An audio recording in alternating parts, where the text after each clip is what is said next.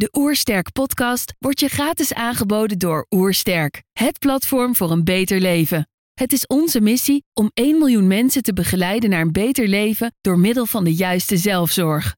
Wil je weten hoe jij kunt werken aan een beter leven? Ga dan naar www.oersterk.nu gezondheidscheck voor onze gratis gezondheidscheck en krijg direct jouw uitslag met persoonlijk advies. Ik ben Janos. Ik ben ontzettend vereerd dat ik hier bij uh, Oersterk ben met Richard. Ik heb uh, heel veel zin in en ik hoop dat het een leuke podcast gaat worden.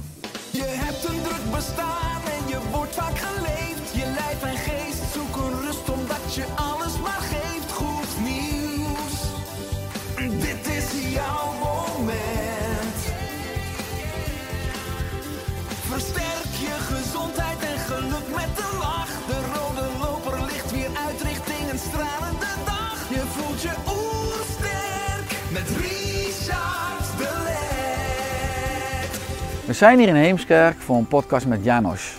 Janos is digitaal kunstenaar van heilige geometrie, trainer en healer. Ik ben benieuwd naar zijn tips voor een beter leven. Trouwens, geniet je van onze podcast? Abonneer je dan en laat een reactie of review achter. Zo help je ons om het gezondheidsvirus te verspreiden. Let's start. De Oersterk Podcast. Een ontdekkingstocht naar een beter leven. Janos, welkom. Dank je. Leuk om hier te zijn. Wederzijds. Bovenaan je website staat activeer je herinnering. Ja. Wat bedoel je hier precies mee? Ik, ik denk dat we alles al weten. We zijn allemaal op zoek naar informatie en uh, we zijn op zoek naar ons potentieel of ons doel in het leven. Uh, en ik denk dat we dat allemaal al weten. Maar er zitten allerlei laagjes over van angsten, onzekerheden.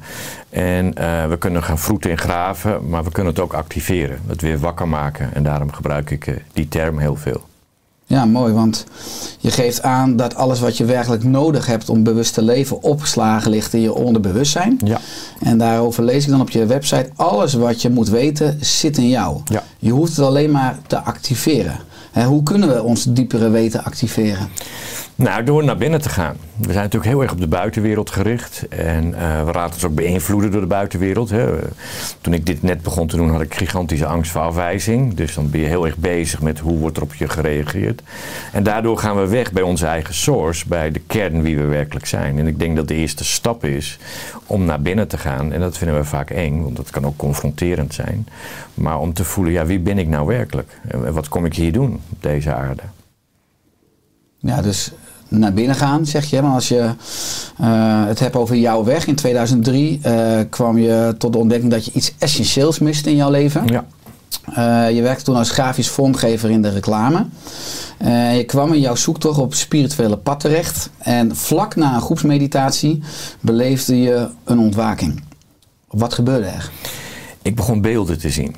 Uh, ik, ik, heb, ik heb één keer ayahuasca gedaan en uh, dat was niet zo'n goede ervaring. Daarvoor? Daarvoor. Ja. Uh, dat was best wel. Ik, ik vond het moeilijk om controle los te laten. En dan krijg je een, een hele rare situatie als je dit soort dingen gaat doen. Dus Mhm. het was niet zo'n prettige ervaring. Maar ik was gewoon aan het werk, een beetje aan het dagdromen. En ik begon ineens beelden te zien op het plafond en het bewoog en uh, geometrische patronen. Dus ik dacht, hé, hey, dat lijkt op die ayahuasca-ervaring. Maar dat was daar al een maand, uh, maand daarvoor. Dus daar schrok ik een beetje van. Maar ik vond het wel gaaf wat ik zag. Ik denk, omdat ik grafisch ontwerper ben, ik ga dat naschetsen, ik ga dat maken. En dat, dat gaf me heel veel rust. Dat gaf me, ik kan niet mediteren, ik ben te hyper. Uh, dus meditatie werkte nooit voor mij. En ik werd er heel rustig van. Dus ik denk, hé, hey, dit, is, dit is leuk. Uh, ik vond het wel eng, want ik vond het wel raar wat ik zag. En zo heb ik een aantal gemaakt op de computer. Toen zeiden vrienden, daar moet je iets mee doen. Dat is gaaf, dat is kunst. En toen heb ik een hele kleine website gebouwd met uh, spirituele kunst, om zo te zeggen. En toen kreeg ik gelijk de eerste reacties van mensen die zeiden: hey, je hebt graancirkels nagemaakt. En uh, toen heb ik alle art wat ik gemaakt had gevonden als graancirkel. En toen was ik best wel een beetje in shock. Zo van: wat is hier gaande? Dit is wel heel erg vreemd. En zo is het eigenlijk gestart. Ja, en naast het zien van beelden kwam er ook een stem in ja, hoorde. Ja. Na, na een tijdje begon ik een stem te horen. Die stelde zich voor als Sai, uh, als van de Arcturianen, een buitenaards ras. En uh, toen heb ik uh, uh, 112 gebeld en gezegd: Kom maar, maar halen, want ik ben schizofreen aan het worden, denk ik. Ik hoor stemmen. Psychiatrie. Ja. Psychiatrie, dit gaat niet goed. En ehm, toen moest ik me melden bij de huisartsenpost. En heb ik het ontzettend getroffen achteraf. Een heel fijn gesprek gehad. En die zei, nou, we denken dat er niks aan de hand is met je. Ga maar eens luisteren naar die stem. En, eh, en dat, ben ik gaan doen. dat zijn huisarts? Dat zijn huisarts, ja. Mooi. ja. En eh, dat ben ik gaan doen. En eh, hier en daar wat hulp gezocht in het spirituele eh, veld. Wat is dit en, en hoe werkt dat? En ik ben naar die stem gaan luisteren. En dat was voor mij thuiskomen. Het was voor mij een soort ontwaken. Maar ook thuiskomen. Ik denk, hé, hey, dit, is, dit past bij mij. Dit is wat ik wil. En dan kom je in de hoe-vraag. Wat iedereen vaak heeft. Van ja, maar wat ga ik er dan mee doen? En dat was een pad. Wat ik al zei, ik had gigantische angst voor afwijzing. Dus je gaat niet zomaar naar buiten. In mijn omgeving, in mijn familie houdt niemand zich bezig met spiritualiteit. En dan ga je ineens melden, ik praat met buitenaardsen. Dan krijg je, dus dus, dus ik, ik ging een beetje dubbelleven leiden. Een beetje stiekem eh, spiritualiteit beleven. Dat was eigenlijk het start, eh, startpunt. En hoe is dat inmiddels met familie, vrienden? Nee, dat zit helemaal goed natuurlijk. Dat is, eh, op een gegeven moment eh, ga je in je kracht en dan voel je het. En dat is wel een proces. En, en dan op een gegeven moment kom je op het punt, ja, maar dit is wat ik wil. En als iemand er niks mee kan, ook prima. Mhm, Ja.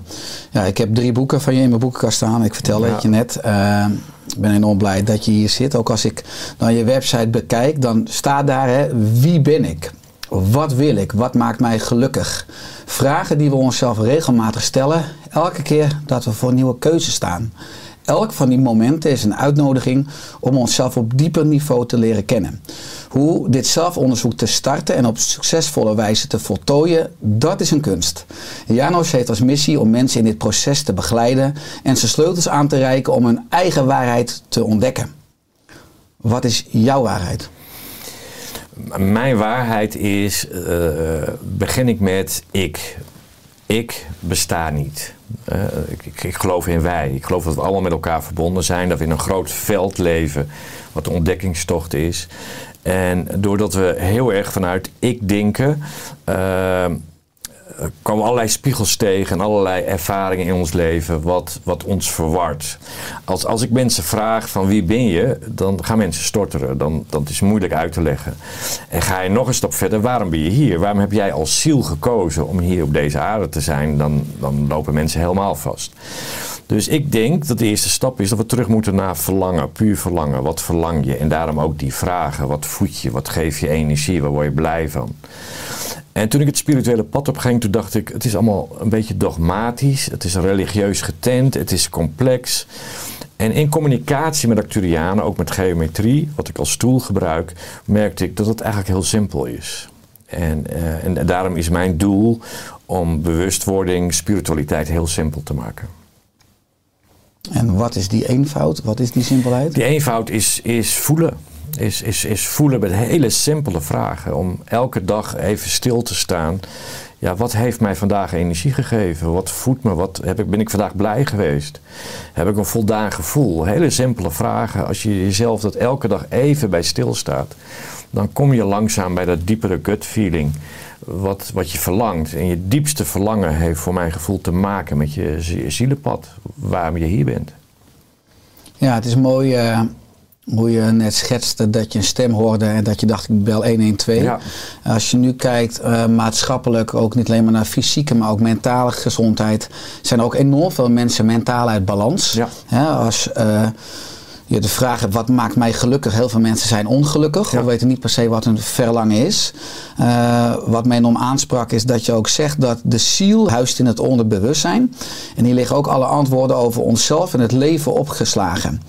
Ik vroeg me dan gelijkertijd af, omdat heel veel mensen zo zoekende zijn, misschien ook buiten zich, Ja. waar je die antwoorden niet vindt. Waarom zijn we ons dit niet bewust? Hè? Wa- Was Dat het hebben we natuurlijk niet geleerd. geweest? Ja, maar dat hebben we natuurlijk niet geleerd. hè. We komen natuurlijk ook uit een cultuurveld waarin we al heel jong keuzes moesten maken. Wat wil je later worden? hè? Je bent 6, 7 jaar en dan begint al de competitie. hè. Eh, we moeten al keuzes maken, we moeten al testen doen, we moeten eh, examens doen. eh.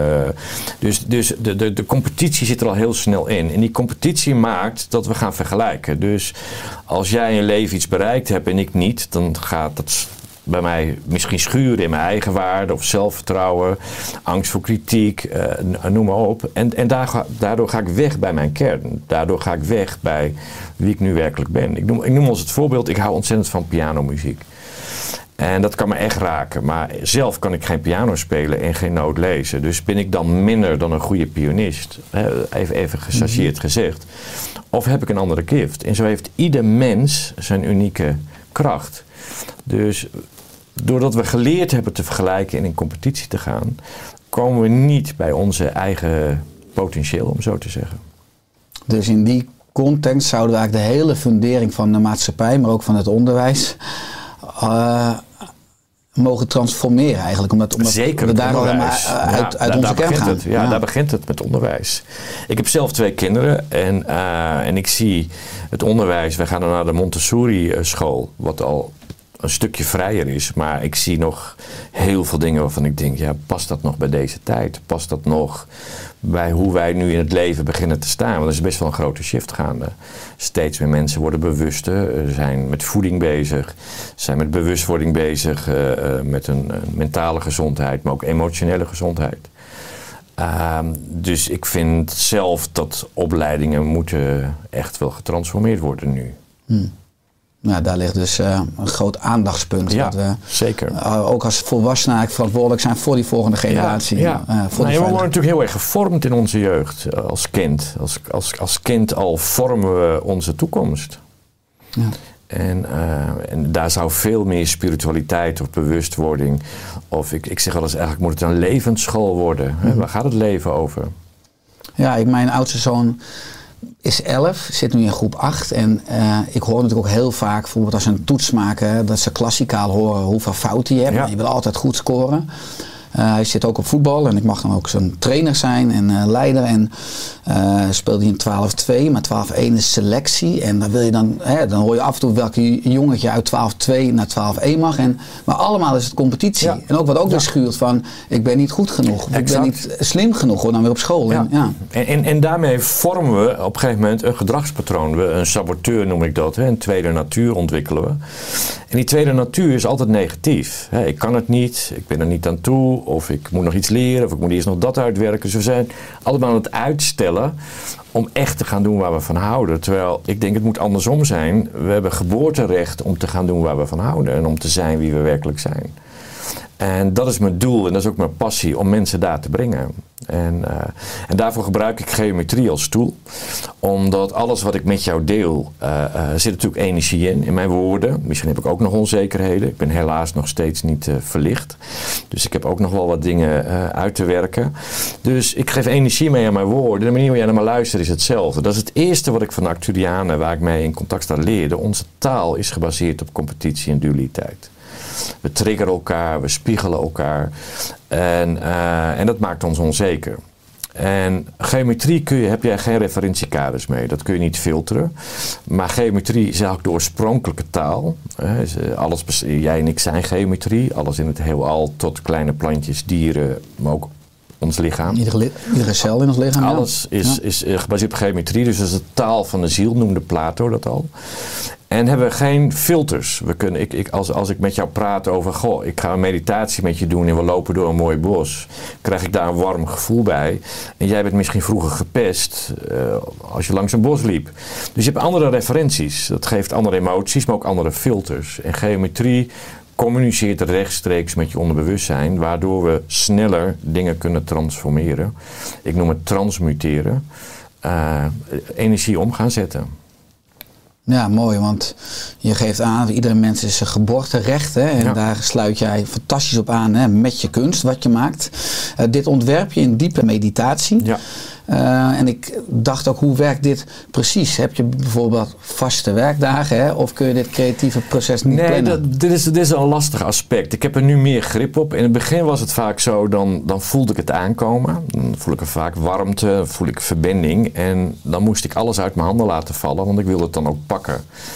En daardoor was het voor mij soms moeilijk plannen. En, eh, en, en, en nu kan ik veel meer zelf sturen. Eh, ik ga mezelf dan wel voorbereiden. Ik moet mijn hoofd leeg hebben.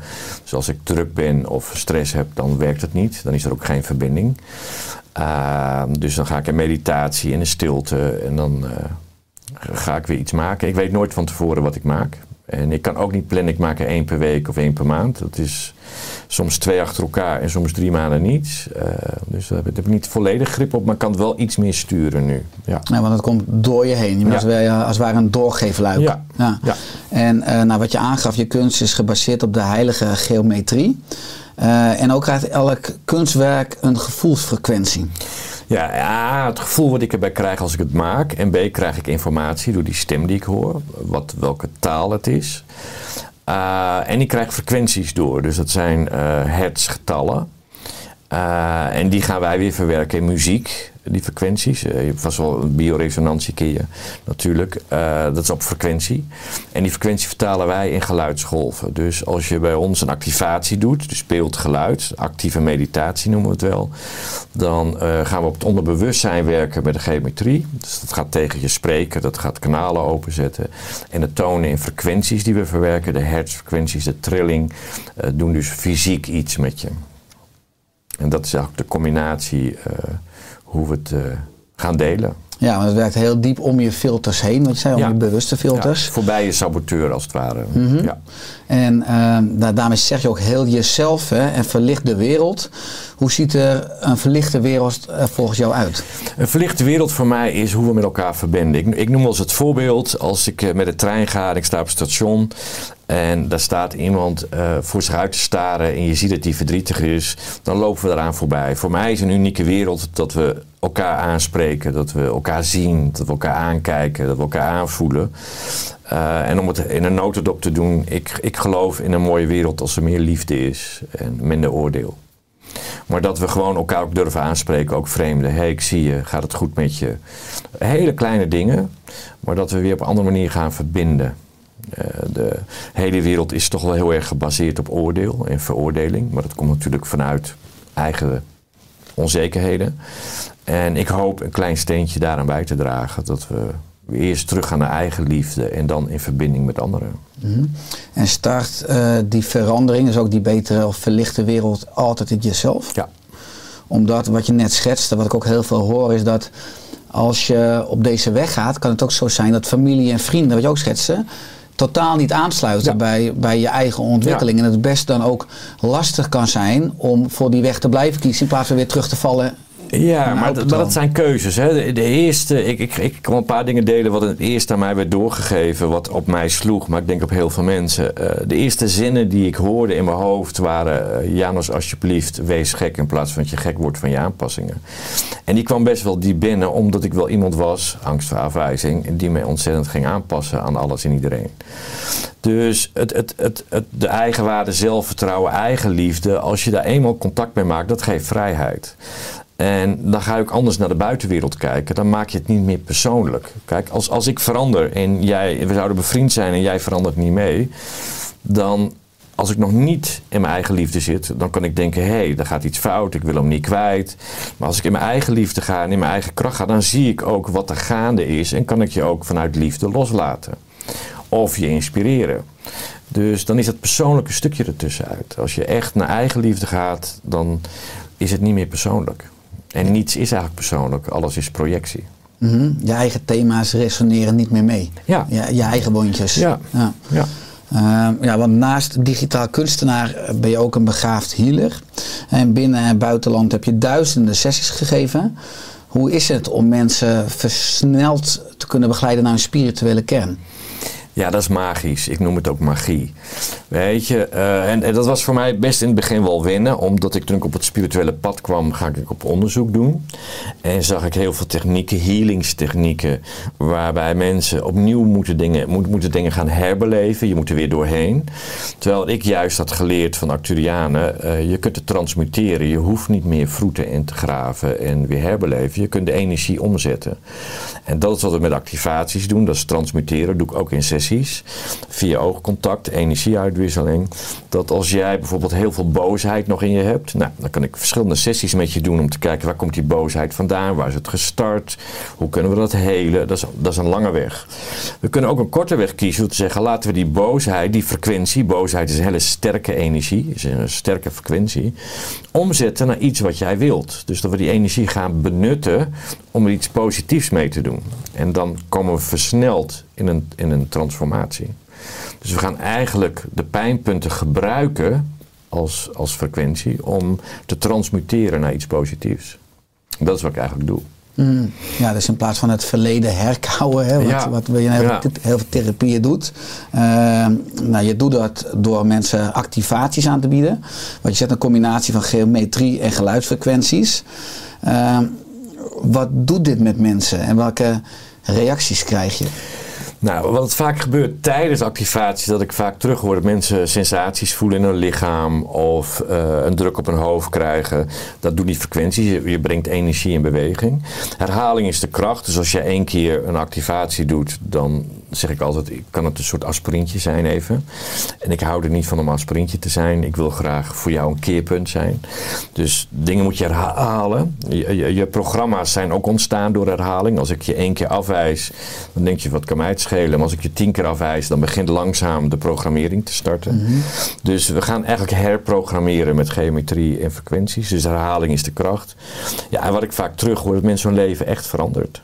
En dat ze ineens hun passie vinden, hun doel vinden. eh, maar ook door processen gaan. Als jij, nee, het kan ook confronterend zijn. Als jij ineens ontwaakt, om het zomaar dat woord te gebruiken. En je denkt, hé, hey, mijn werk of mijn huwelijk, of kan van alles zijn. Past eigenlijk niet meer bij mij. Ja, dat kan ook heel confronterend zijn.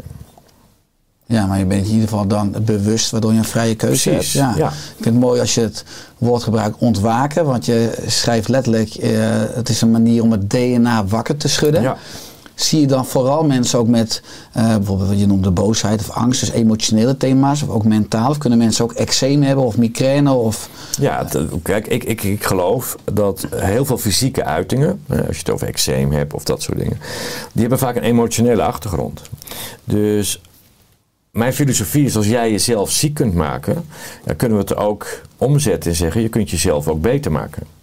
Nou, we hebben natuurlijk vier bewustzijnslagen. Op fysiek niveau is dat natuurlijk gezonde voeding, dat je, dat je weet wat je eet. Eh, we hebben natuurlijk de, de mentale laag, we hebben de emotionele laag en de spirituele laag. En als je al die lagen uitlijnt en in balans hebt, ja, dan gaat je lichaam zich aanpassen. Dan ga je een gezonder lichaam krijgen, want dat reageert allemaal op elkaar. Als ik elke dag negatief denk, dan heeft het effect op mijn lichaam. We hebben celgeheugen, we bestaan voor 70% uit water. Dus het lichaam gaat daarop reageren en die gaat dan signalen geven van hé, hey, word even wakker. Die geeft pijntjes of, nou ja, of fysieke klachten. En elk orgaan, elk deel van ons lichaam heeft een betekenis. Ook emotioneel, maar ook spiritueel. En als we dat gaan begrijpen, kunnen we heel snel dingen in beweging zetten. En in het proces eh, ja, ontstaan daar vaak ook wel fysieke klachten, omdat we ergens doorheen moeten.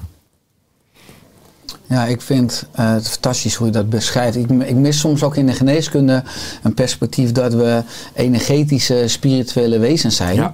Ook zeker als je kijkt naar de afgelopen twee jaar, eigenlijk een wereldwijde gezondheidscrisis. Ja. Eh, ook bepaalde eh, oplossingen die we wat dat betreft gemist hebben aan. Hè, dat, dat- Ja, het zeker. aanbod was heel Ja. eenzijdig, alsof je een ijswinkel hebt met maar Ja. één smaak. Hoe heb jij dan ook afgelopen twee jaar ervaren, ook vanuit zeg maar, het werk wat jij doet? En er waren heel veel mensen namelijk angstig, ook, als collectief. Ja. Ja, nou, angst is natuurlijk eh, eh, de, de, de grootste blokkade die er is. is heel krachtig. Angst beïnvloedt je totale lichaam. Eh, en wat ik om me heen heb gezien, ook toen corona startte als, als eh, pandemie, dat mensen die niet in de angst gingen en juist bij een kracht bleven, veel minder ziek werden en ook sneller herstelden. En mensen die heel erg in angst gingen, een veel langer helingsproces hadden en soms echt escaleren naar blijvende schade. Dus angst heeft een gigantische invloed op ons lichaam.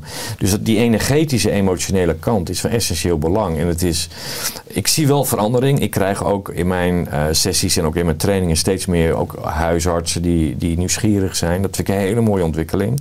Om dat samen te voegen. Kijk, ik ben niet tegen de medische wereld. Uh, maar ik denk dat het meer samen moet komen. Bruggen bouwen. Ja, Ja, precies. Om, om de, om de mensen het, de- het beste te helpen en de beste zorg Exact. van twee werelden. Of misschien wel van vier werelden. als om, om, fysiek, om het te versnellen. Ja. spiritueel, Ja. Ja. Ik denk dat je de processen flink gaat versnellen. Wat wel heel grappig is, ik heb, eh dus denk zeven jaar terug, had ik een, eh, een vlucht gemist voor een retreat in Spanje. Nou, het gebeurt me nooit, maar dingen hebben altijd een reden. En toen eh, nam ik de volgende vlucht, kwam ik naast een wetenschapper te zitten. Ik hoorde hem praten, het was een heel wetenschappelijk verhaal. En toen maakte hij ineens de opmerking morfogenetisch veld. Dus ik, ik schoot omhoog. Ik denk, hé, hey, een wetenschapper, een morfogenetisch veld, het gaat niet samen. Dus ik sprak deze, deze heer aan en hij was uh, al 40 jaar, net gepensioneerd. En uh, dus hij vroeg me waarom ik uh, dat woord mij aansprak. Dus ik vertelde wat ik deed. En deze man was heel erg bezig met bewustwording, ondanks zijn vak. En hij zei toen tegen mij: Het ziekenhuis is voor loodgieterswerk. Dus heb je een arm gebroken of een orgaan die niet meer functioneert, dan moet je naar het ziekenhuis. En voor de rest moet je er wegblijven, moet je met jezelf aan de slag. En die man bevestigde eigenlijk vanuit de wetenschappelijke hoek, en ik hoop dat dat groter gaat worden, dat ik denk heel veel mensen die ziek zijn niet ziek hoeven te zijn. Door aan die vier bewustzijnslagen te gaan werken. Dus ook fysiek, maar ook mentaal, emotioneel en spiritueel. Doe je dat zelf ook in jouw zelfzorg, die vier lagen? Ja, ja. Maar zeker als je evolutionair heeft angst natuurlijk altijd een, nou ja, ook een voordeel gehad. Om zeker in een oeromgeving waar nog gevaar was vanuit dat perspectief. Ja, ja. Uh, en dat zit in ons systeem. Ja. Uh, maar we leven natuurlijk een heel andere tijd. Mm -hmm. En wat me wel eens beangstigt, beangstig is misschien een groot woord in deze setting, dat de media, zoals die nu functioneert, heel erg gericht is op angst. Weet je, als je krantenkoppen ziet, dan is het vaak gebaseerd op angst. Dus dan ga je lezen en dan denk je, hé, hey, dit valt wel mee. Mm -hmm. Maar toch is de eerste insteek is angst. Dus angst is nog steeds, ik noem het even plat in onze cultuur, een marketing tool. Uh, religie, hè? je komt in de hel als je niet gelooft. Dus, dus ja, daar zijn we als mens gevoelig voor. En ik hoop een steentje bij te dragen om te zeggen: angst is een illusie, angst is bedacht. Uh, als je je hart voelt, dan weet je je weg en dan hoef je niet meer bang te zijn.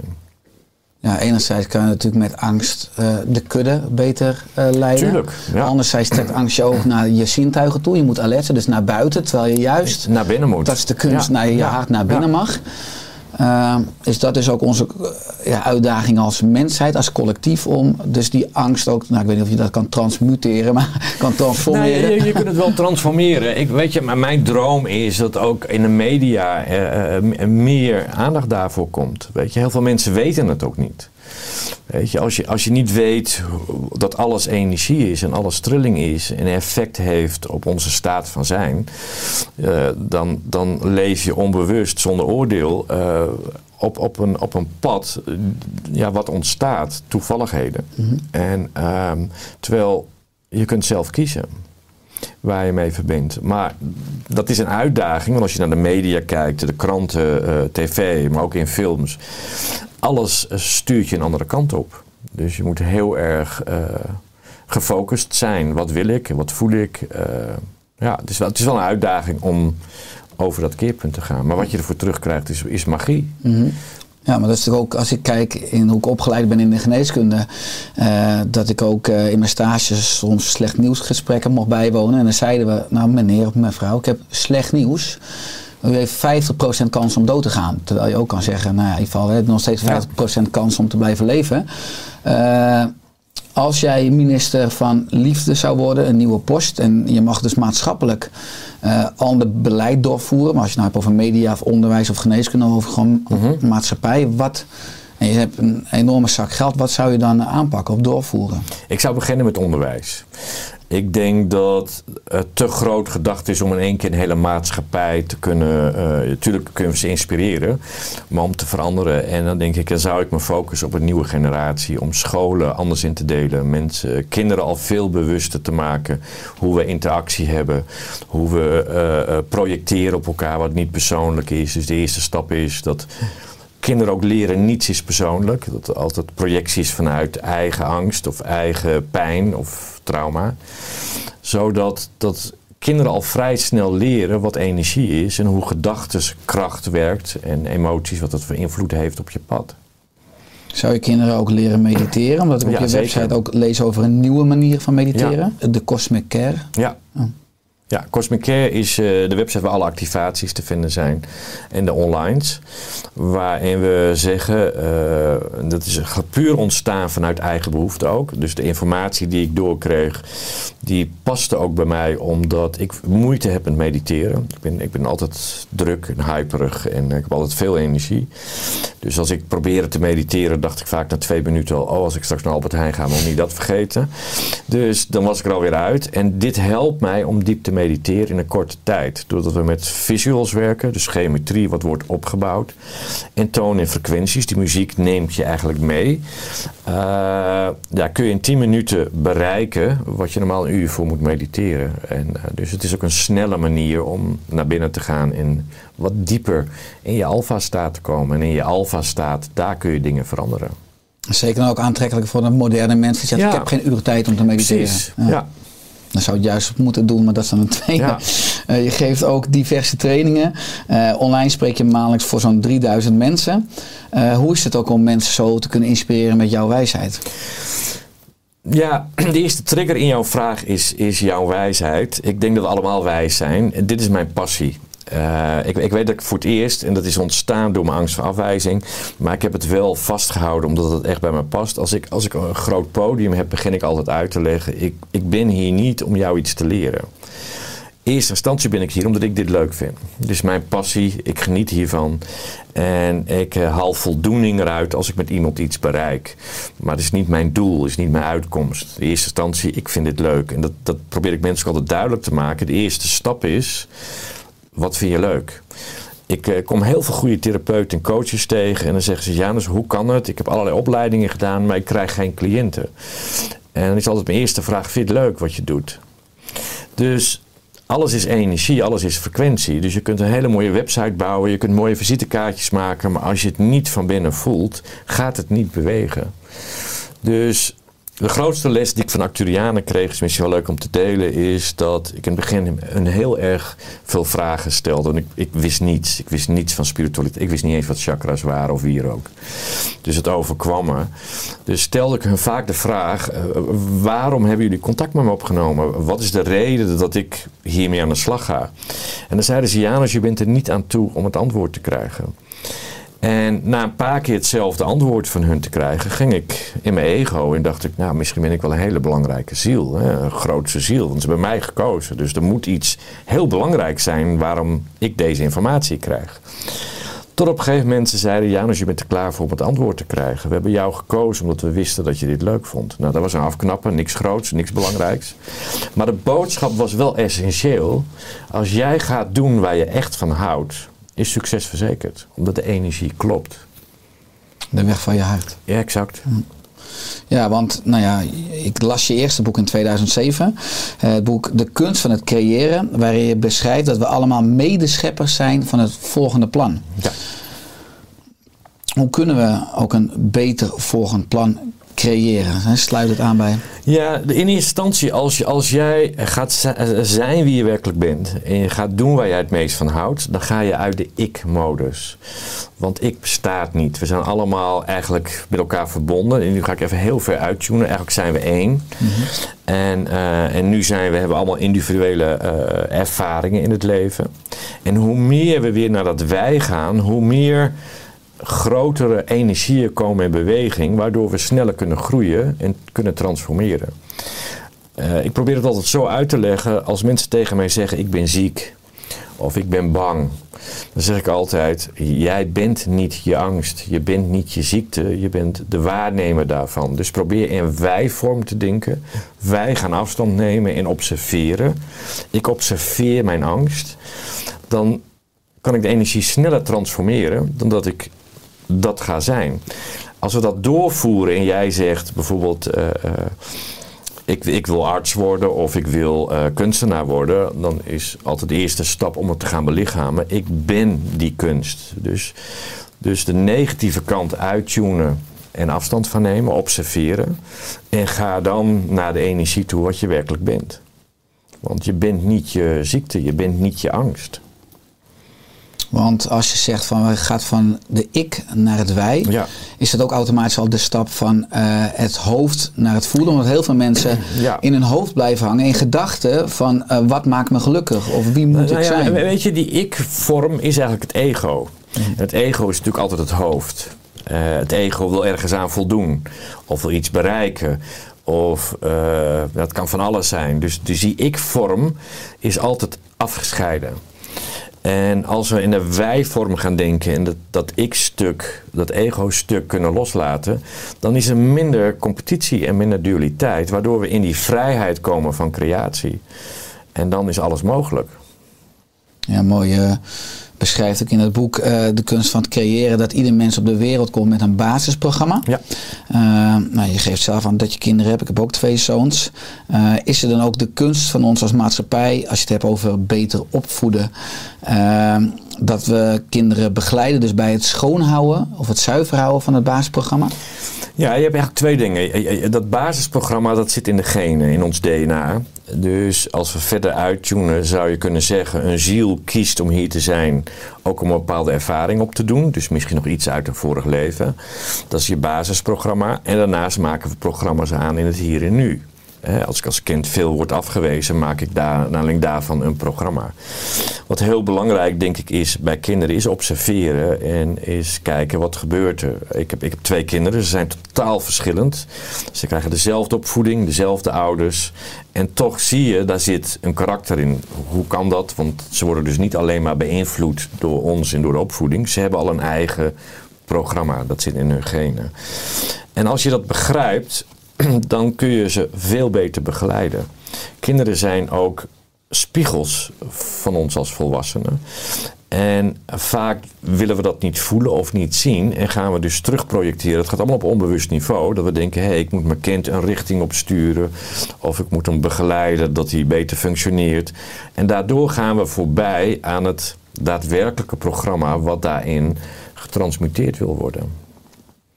En, eh, en vooral met eigen kinderen is dat heel moeilijk, want je hebt je eigen persoonlijke eh, stukken. Dus het is veel makkelijker om eh, met mensen te werken in sessies die wat, waar ik wat afstand van heb. Eh, ik kan mijn eigen vrouw, mijn eigen kinderen kan ik moeilijk helpen. Dat is te dichtbij, is te persoonlijk. En dan wordt er ook bij mij iets aangeraakt, wat ik al eerder zei. Ik ben helaas nog steeds niet verlicht. Dus, eh, ik heb ook drie lampen boven je, maar ja, ja, ja. eh, is toch de buitenwereld, hè? het ja, gaat om de binnenwereld. Ja, het zijn wel mooie lampen. Ja, dank je. Ja, want eh, als je het hebt over het licht uitspreiden, of, of nou dan niet jouw wijsheid, maar wijsheid die door jou heen komt. eh dat heb je inmiddels in meer dan 15 landen, hè, dat je eh, nou, die wijsheid hebt gepresenteerd. Ook in 2007 eh, werd je als eerste Nederlander verwelkomd op het hoofdkantoor van de Verenigde Naties in New York om een presentatie te geven. Hoe was dat? Ja, heel bijzonder. En dat, en dat past ook bij mijn droom. En toen begon ik te leren hoe magie werkt, hoe energie werkt. Eh, en dan komen we op een ander onderwerp wat wel met geometrie te maken heeft, dat is het kwantumveld. Eh, en dat, dat, die les voor mij is daar begonnen omdat Acturianen me uitdaagden in dingen waarin mijn ego zei, ja maar dat kan niet, dat is onmogelijk. Eh, eh, de opdracht was om eh, op de VN iets te doen voor, voor mensen die bezig zijn met leiding in de wereld. En het pand moest leeg. Je hebt het boek gelezen. En, eh, en dan komt het ego, die ik, die zegt: Ja, ho, dit, gaat, eh, dit werkt natuurlijk niet, het is onmogelijk, eh bla bla bla. Maar ik kreeg heel snel in het begin een uitgever in Amerika. En ik was in Denver of Orlando. Ik was op een beurs om boxen en boeken te signeren. En dan gaf ik ook een presentatie met activaties. En eh daar kwam het eind een man naar me toe en die zegt: eh Jij zou eens een keer naar de VM moeten met je werk. Omdat het, het is heel spiritueel, maar eigenlijk ook heel geaard. Het is geen zweverige ge- gebeuren. Je maakt het heel pragmatisch. En toen zei ik: Ja, dat eh, staat op mijn bucketlist. Eh, maar ja, hoe kom je bij de VN terecht? Toen zei hij: Nou, ik kom van de VN en. Ik ga je daar naartoe halen. Zo ben ik daar terechtgekomen en, eh, en een jaar later weer. Ik ben twee keer geweest. En toen hadden we die terroristische aanslagen allemaal gehad. Dat speelde daar nog heel erg. Dus wij waren aan het eh, soundchecken, eh, alles eh, vo- voordat we presentaties zouden geven, s'avonds, middags in het gebouw. En in de aula, grote zaal, om, om alles te checken, aan te sluiten. En toen ging het alarm af in het gebouw. En moest iedereen naar buiten, er waren allemaal helikopters buiten, want er was een terroristische aanslag, oefening. En, ehm, en toen kwam de bewaking die zei: Jullie werken hier niet officieel, dus jullie, als jullie in de zaal blijven, hoeven jullie niet naar buiten. En eh, toen dacht ik: Alles is dus mogelijk. Weet je, dit was gezegd, waarbij mijn ego zei: Dit is onmogelijk om alleen in het VN-gebouw te zijn. En eh, een paar maanden later ben je alleen in het VN-gebouw.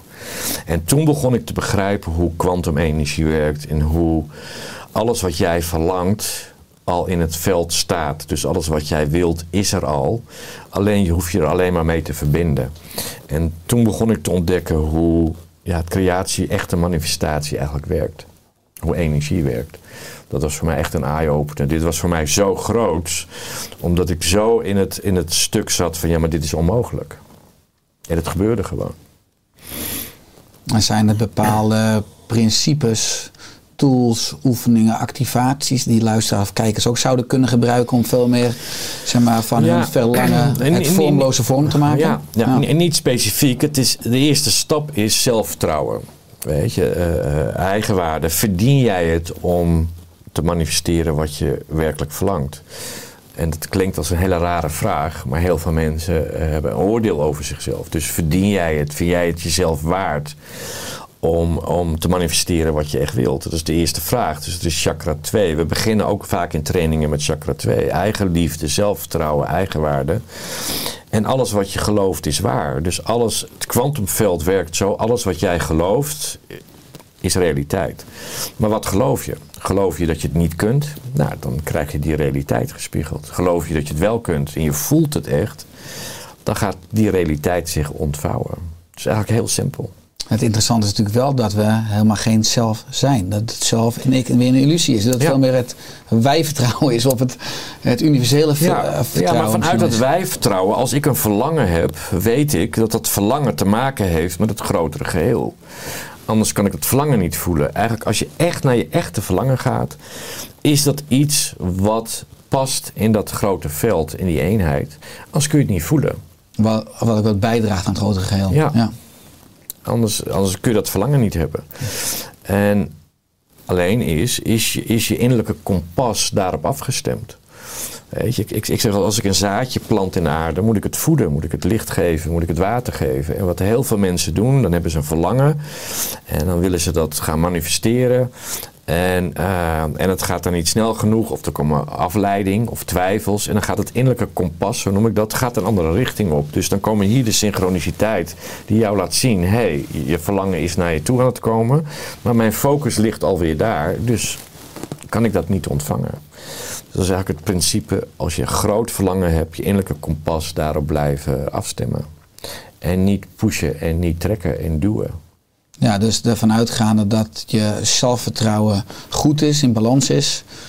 En dan ook een stukje dus, dus overgave. Ja. Want, je- want je gaat er Ja. niet over wanneer het zich presenteert. In, nee, dat is eh, een divine timing en het komt vaak uit een hele andere hoek. Eh, eh, Al al- ander voorbeeld, ik, eh, ik ging vroeger altijd naar Sensation en eh, Amsterdam Arena. Sensation White. had je Ja, Sensation? White, ja, Sensation White dan. Ja. En, eh, en dat is heel spiritueel getent. En, ehm, dus ik ging hele kunstwerken, grote plexiglas in boeken naar ID&T sturen. Want ik denk, ik wil met mijn kunst eh, geprojecteerd hebben bij ID&T. En ik kreeg nooit antwoord, er kwam nooit iets terug. Maar ik voelde gewoon, dit gaat gebeuren. Ik wist het, dit gaat gebeuren. Dat was mijn verlangen, ik voelde het. En, eh, en doordat ik er zoveel moeite voor deed, gebeurde er niets. Weet je, ik kreeg geen antwoord op mails. En, eh, en toen heb ik het helemaal losgelaten, maar wel in die creatieproces daar mee bezig gebleven. Van ja, maar ik zie het gewoon voor me. Ik voel het, ik zie het. Het gaat gebeuren. En in dat vertrouwen. En totdat ik eh, twee jaar later een, eh, een telefoontje kreeg van een man die zegt: Ik heb een burn-out. Ik geloof niet in wat je doet. Ik geloof niet in spiritualiteit. Maar ik word gestuurd door mijn vrouw. Ik heb geen tijd om een burn-out te hebben. Dat vond ik al een hele mooie uitdrukking. En uh, dus ik pak alles aan en uh, mijn vrouw zei dat ik jou moest bellen. Dus uh, die man komt bij mij op een sessie en die blijkt een van de CEO's te zijn van ID&T. En ik heb die man weer op de rit gekregen en toen vroeg hij me aan het eind van wat is nog jouw grootste verlangen? Ik zeg dat is op Sensation. En in 2017 stond ik op Sensation. Het kwam dus uit een heel andere hoek dan dat ik had verwacht. Maar zo, zo werkt het creatieproces. Dus je, je gaat hier manifesteren en het kan zijn dat het daar terugkomt. Maar we moeten wel open blijven staan dat we dat gaan voelen. Hé, hey, dit is te toevallig. Hier moet ik iets mee. Ja, dus in essentie vandaag gewoon die dingen blijven doen waar je passie van krijgt, Ja. waar je energie van krijgt. Ja. Eh, hier op tafeltje staat eh, voor mij je laatste boek. Ja. God ontmoet God. Eh, waar gaat dit boek over? Uh, dit boek gaat in essentie over dat we eigenlijk allemaal God zijn. En dat elke ontmoeting met een andere God ons brengt naar een volgend staat van zijn. Als we, als we naar elkaar kunnen kijken als God ontmoet God. En, uh, en het gaat over dat we allemaal één zijn. Dus elke verbinding is een uitwisseling van groei. Maar als we nog stukken hebben zitten die pijn doen, of stukken die we nog niet uitgewerkt hebben, dan gaan we in een negatieve manier elkaar ontmoeten. Uh, dus God ontmoet gaat erover dat als jij mij kwetst, dat ik naar jou kan kijken en zeggen kan uh, dankjewel. Want in mij vindt iets plaats wat wil groeien. Dus heel anders naar elkaar kijken. Het is echt als goden elkaar ontmoeten vanuit liefde, van hart tot hart. Ja, mooi. Je schrijft in het boek ook, in een andere boek ook, dus over gidsen, over engelen, of dus noem het God. Uh, heeft ieder mens begeleiders? Ja. Ja, niemand is alleen. Hoe zouden we ook die afstemming of die kracht. Het heeft alles te maken met terug naar je eigen source, eigen kern. We zijn te erg afgeleid. We, we, we moeten aan zoveel dingen voldoen. Uh, we krijgen zoveel informatie dat we niet meer goed kunnen voelen, als het ware. En het is dus echt terug naar de kern. Dus iedereen zou elke dag moeten mediteren. Of een activatie moeten doen. En elke dag een ritueel doen voor zichzelf. Elke dag 10 minuten de tijd nemen om te voelen. Hé, hey, wat ervaar ik nu? Hoe is mijn dag geweest? Heb ik vandaag dingen gedaan die me gevoed hebben? Of heb ik alleen maar dingen gedaan die me energie gekost hebben? Het wil niet zeggen dat je gelijk dingen moet veranderen. Maar het gaat om bewustwording. En dan gaan er steeds meer ja, gevoeligheid ontstaan, waardoor ook die verbindingen kunnen ontstaan met de wereld die niet zichtbaar is. Mm-hmm. Want wij denken natuurlijk, uh, alles wat we zien is echt. Maar ik zou het willen omdraaien, alles wat ik zie is niet echt, maar wat ik niet zie is een veel grotere realiteit. Ja, onze, ja, onze zintuigen kunnen maar een heel klein deeltje ja, waarnemen. Ja. ja. Als je kijkt naar het perspectief. Heel veel mensen vragen natuurlijk, ja, wat is de zin van het leven of wat is de zin van mijn leven? Uh, ik ben natuurlijk heel erg opgeleid in de geneeskunde waar je kijkt naar het lichaam en naar gezondheid. En je kan ziek worden. Als je ziek wordt kan je ook weer beter worden. Kom je op het niveau, je kan ook zelf daar een rol in hebben, zelfheling. Uh, wat is voor jou uh, de zin van het leven als je dat ook koppelt aan het fysieke lichaam waar we dit leven in reizen? Ga ik het heel simpel maken. Als ziel hebben we maar één frequentie. En dat is de frequentie van liefde. Hè? Er wordt vaak beschreven dat, dat als je nog niet in een lichaam zit en als ziel uh, zijn we allemaal één, is, is een frequentie van liefde, onvoorwaardelijke liefde. En dan kies je ervoor om in een lichaam te gaan. Dat is best wel een heel proces. Acturianen zeggen we hebben heel veel lef voor de mensheid. Dus dat houdt in dat jij al heel veel moed hebt. Als mensen willen veranderen en ze zeggen ja, maar ik durf niet, ik heb het lef niet, dan zeg ik vaak ja, maar kijk al wat voor moed je hebt gehad om hier te zijn überhaupt. Dus die ziel is alleen maar liefde. Nou, dan kom je in een lichaam en wat is het doel? Dat jij straks die liefde, omdat je een lichaam hebt, kunt ruiken, voelen, zien, horen, aanraken. Want dat kun je als ziel niet. Nou, wat is het grootste proces van de mensheid? We zijn bang voor liefde. Dat is heel kwetsbaar. Dus een van de paden die we lopen is dat we onszelf weer gaan erkennen en herkennen dat we liefde zijn. Ik denk dat dat de grootste uitdaging is. En als we dat weer gaan voelen, dan worden we allemaal tovenaars. Dan kunnen we magie creëren, want alles is mogelijk. Is dat ook de universele, het universele medicijn mogelijk voor heel veel klachten, signalen, ziekteaandoeningen? Ik denk als je in eigenliefde zit en echt van jezelf houdt, op alle niveaus, dus ook fysiek, uh, dat we een veel gezonder leven hebben. Want dat beïnvloedt onze staat van zijn. Mm -hmm. Dus ik denk dat eigenliefde de grootste sleutel is om, een, een, om te leven in overvloed. Om te leven in passie. En, uh, en als je dat toelaat, die energie maakt je gezond. Die houdt je gezond. Mm -hmm. Als je die liefde bent en die liefde leeft, hoe kijk je dan vanuit dat perspectief uh, ook naar uh, fysiek of aards doodgaan, sterven?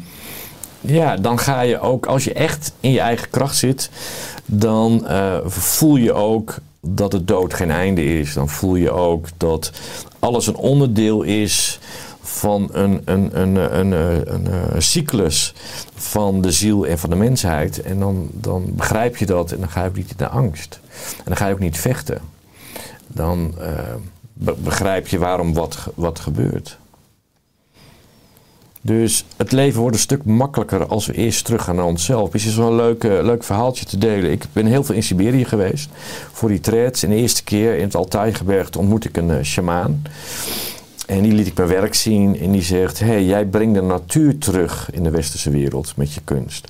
En dat begreep ik eerst niet, maar wat hij daarmee wilde zeggen: alles in de westerse wereld is gecultiveerd, is bewerkt of door de mens gemaakt. Als je echt naar de natuur wil, dan moet je naar bepaalde landen waar nog heel veel puur natuur is. En puur natuur is natuurlijk de source van alles. Hè? Dat is ook geometrie. Dat is... En toen vertelde hij mij, ik wil iets, wat is je doel? Wat is je grootste verlangen? Nou, dat praat ik over tien jaar terug. Toen was mijn grootste verlangen dat ik uh, de hele wereld uh, wilde beraken. De hele wereld uh, in hun kracht wilde zetten. Hij zegt, ik, ik wil graag iets met je delen. Dat was vroeger een hele jonge shamaan hier. En die had hele sterke helende kwaliteiten. En die had als doel, hij wilde de hele wereld gaan helen, de hele wereld weer liefde geven. Maar hij raakte heel erg teleurgesteld, omdat hij dacht, ja, hoe en waar ga ik beginnen? De wereld is zo groot, wat is het startpunt?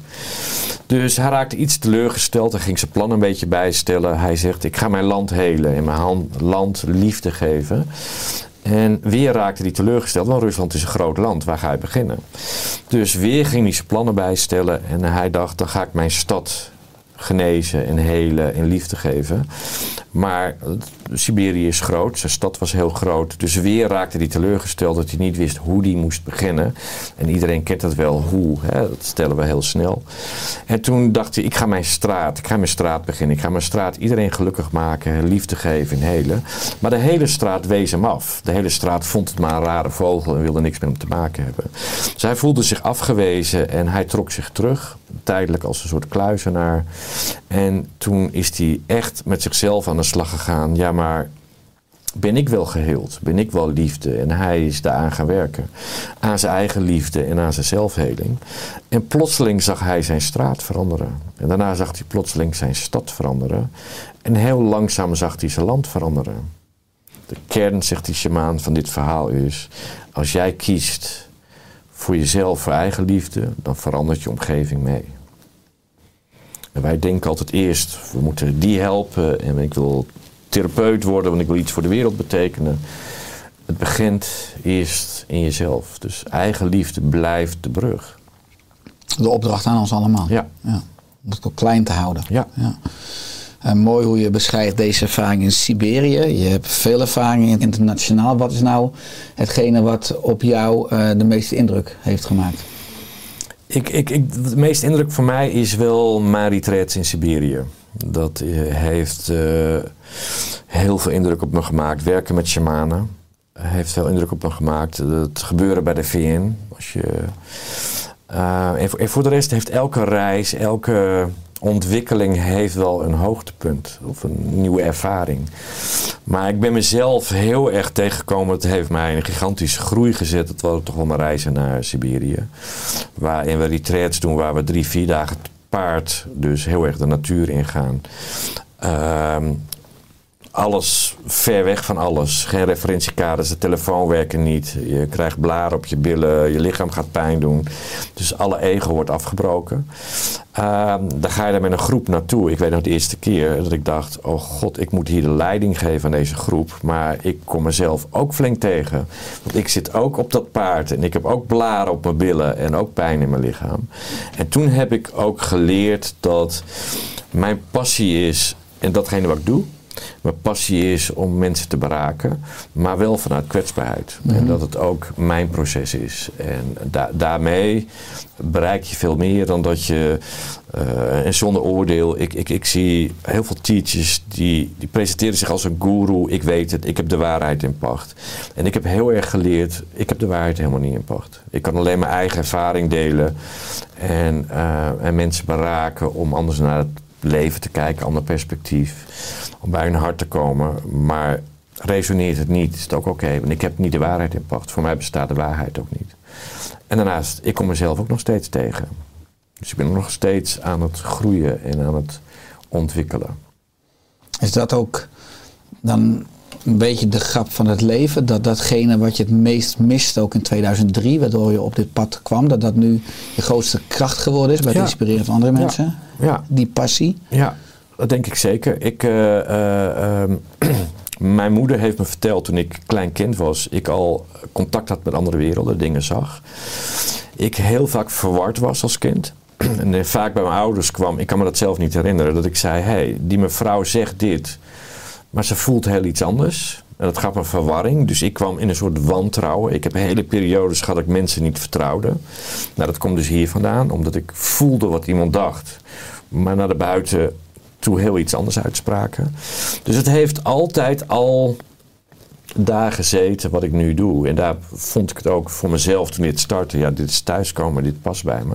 Alleen er zit een gigantische cap tussen. Omdat ik ook in een periode middelbare school...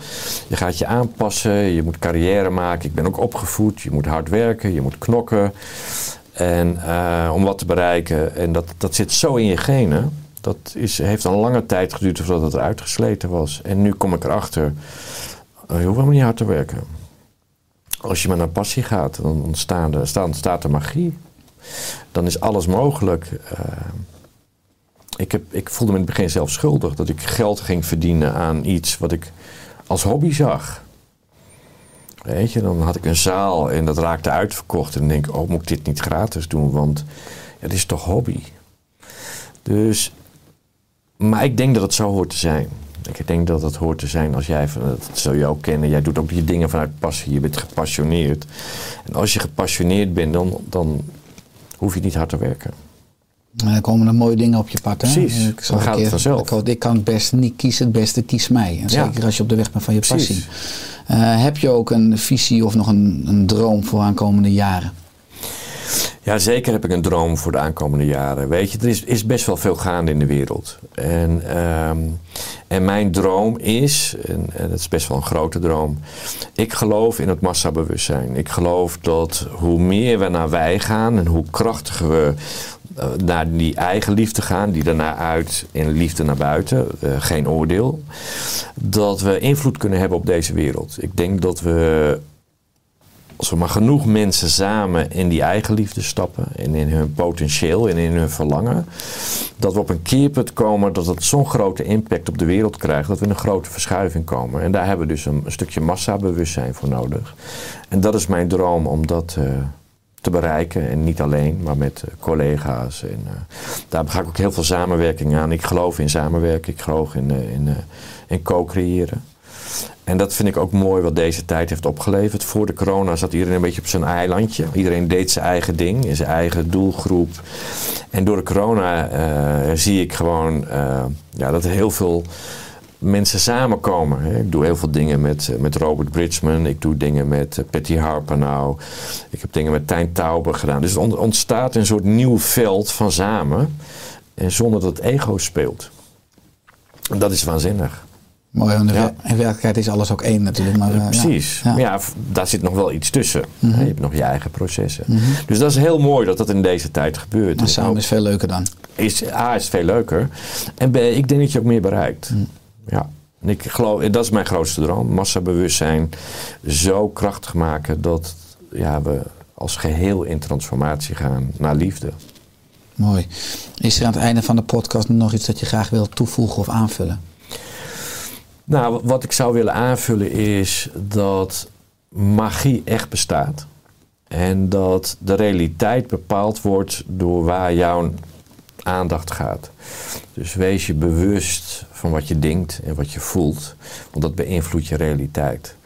En hoe sterk zou het zijn als je begint, dat, dat, dat zeg ik vaak, zo ben ik ook begonnen. S'avonds als ik naar bed ga, dan denk ik altijd, dit is mijn laatste dag. Stel dat dit mijn laatste dag op deze aarde is. En ik stel me de vraag, heb ik vandaag iets gedaan wat me blijheid heeft gegeven? Heb ik vandaag iets gedaan wat me energie heeft gegeven? Heb ik vandaag iets gedaan wat me voldoening heeft gegeven? Zonder oordeel. En mezelf dan toespreken: hé, hey, ik denk dat ik morgen wel een herkansing krijg. Morgen is een nieuwe dag. Wat zou ik morgen kunnen doen? Of is het ook nog zo klein om die voldoening, die energie, die blijheid iets groter te maken? Om op die manier, op een natuurlijke manier, kleine stapjes te maken van. Ja, ik verdien het om blij te zijn. Ik verdien het om energie ergens van te krijgen of voldoening uit te halen. Dus elke avond jezelf afvragen, als dit mijn laatste dag was, wat heb ik vandaag, wat heeft me gevoed, wat was leuk. Om dat naar bewustwording te brengen. En dat is niet complex.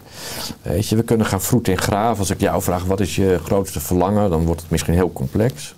Nou, maar als we met die simpelheid beginnen, als je elke, zelf, elke dag jezelf afvraagt, wat heeft me energie gegeven? Wat heeft me blij gemaakt? Hele simpele vragen. Ja, die vragen zorgen er ook voor dat je met een lach in slaap valt. Ja. Ook eventueel als je voor de laatste keer je ogen zou sluiten. Dat Ja. het eh, ja, Ja. rond is. En heel bewust worden van de alfa-staat. Ik zeg altijd, als jij eh, eh, je dag start, wees je heel bewust van met welke energie je start. En dat vraagt soms best wel om focus. Ik word ook wel eens wakker s'morgens dat ik denk, er hebben zeven vrachtwagens over me heen gejakkerd. maar ik heb geleerd van Acturianen, de eerste twaalf minuten nadat je wakker wordt, dus voordat je lichaam vol alles, eh, vol ademhaling, hartslag, et cetera, aan de slag dan? zitten, ja. we, zitten we in een andere staat van zijn. Ja. En dan zijn we heel erg verbonden met het onderbewustzijn. En het onderbewustzijn, daar zitten ook onze programma's. Dus heel bewust je dag starten. Dus die eerste twaalf minuten nadat je wakker bent, ook dit soort vragen stellen. Wat zou ik vandaag kunnen doen? Of is het maar twee minuten dat ik, dat ik, dat ik even blij word of energie ergens uithaal? Dus eh, het is echt bewustwording. En die meditatie van jou van 10 minuten kan ook enorm Ja. helpen als Ja. je net wakker bent. Ja, Ja. Activatie heeft in wezen hetzelfde effect als een uur meditatie. Doordat we met frequenties werken.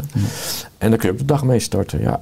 Mooi. Waar kunnen mensen meer informatie vinden over jou, je activatie, je diensten? Eh, Cosmic.care, daar heb ik alles eh, staan. Dus eh, Cosmic.care, care is dan ook gelijk de extensie. En daar staan alle activaties, daar staan onlines, daar staat alle informatie. Mooi. Dankjewel voor je komst, Janos, in de gedaan. podcast. En Graag gedaan. samen maar mogen werken aan een wereld met veel meer liefde.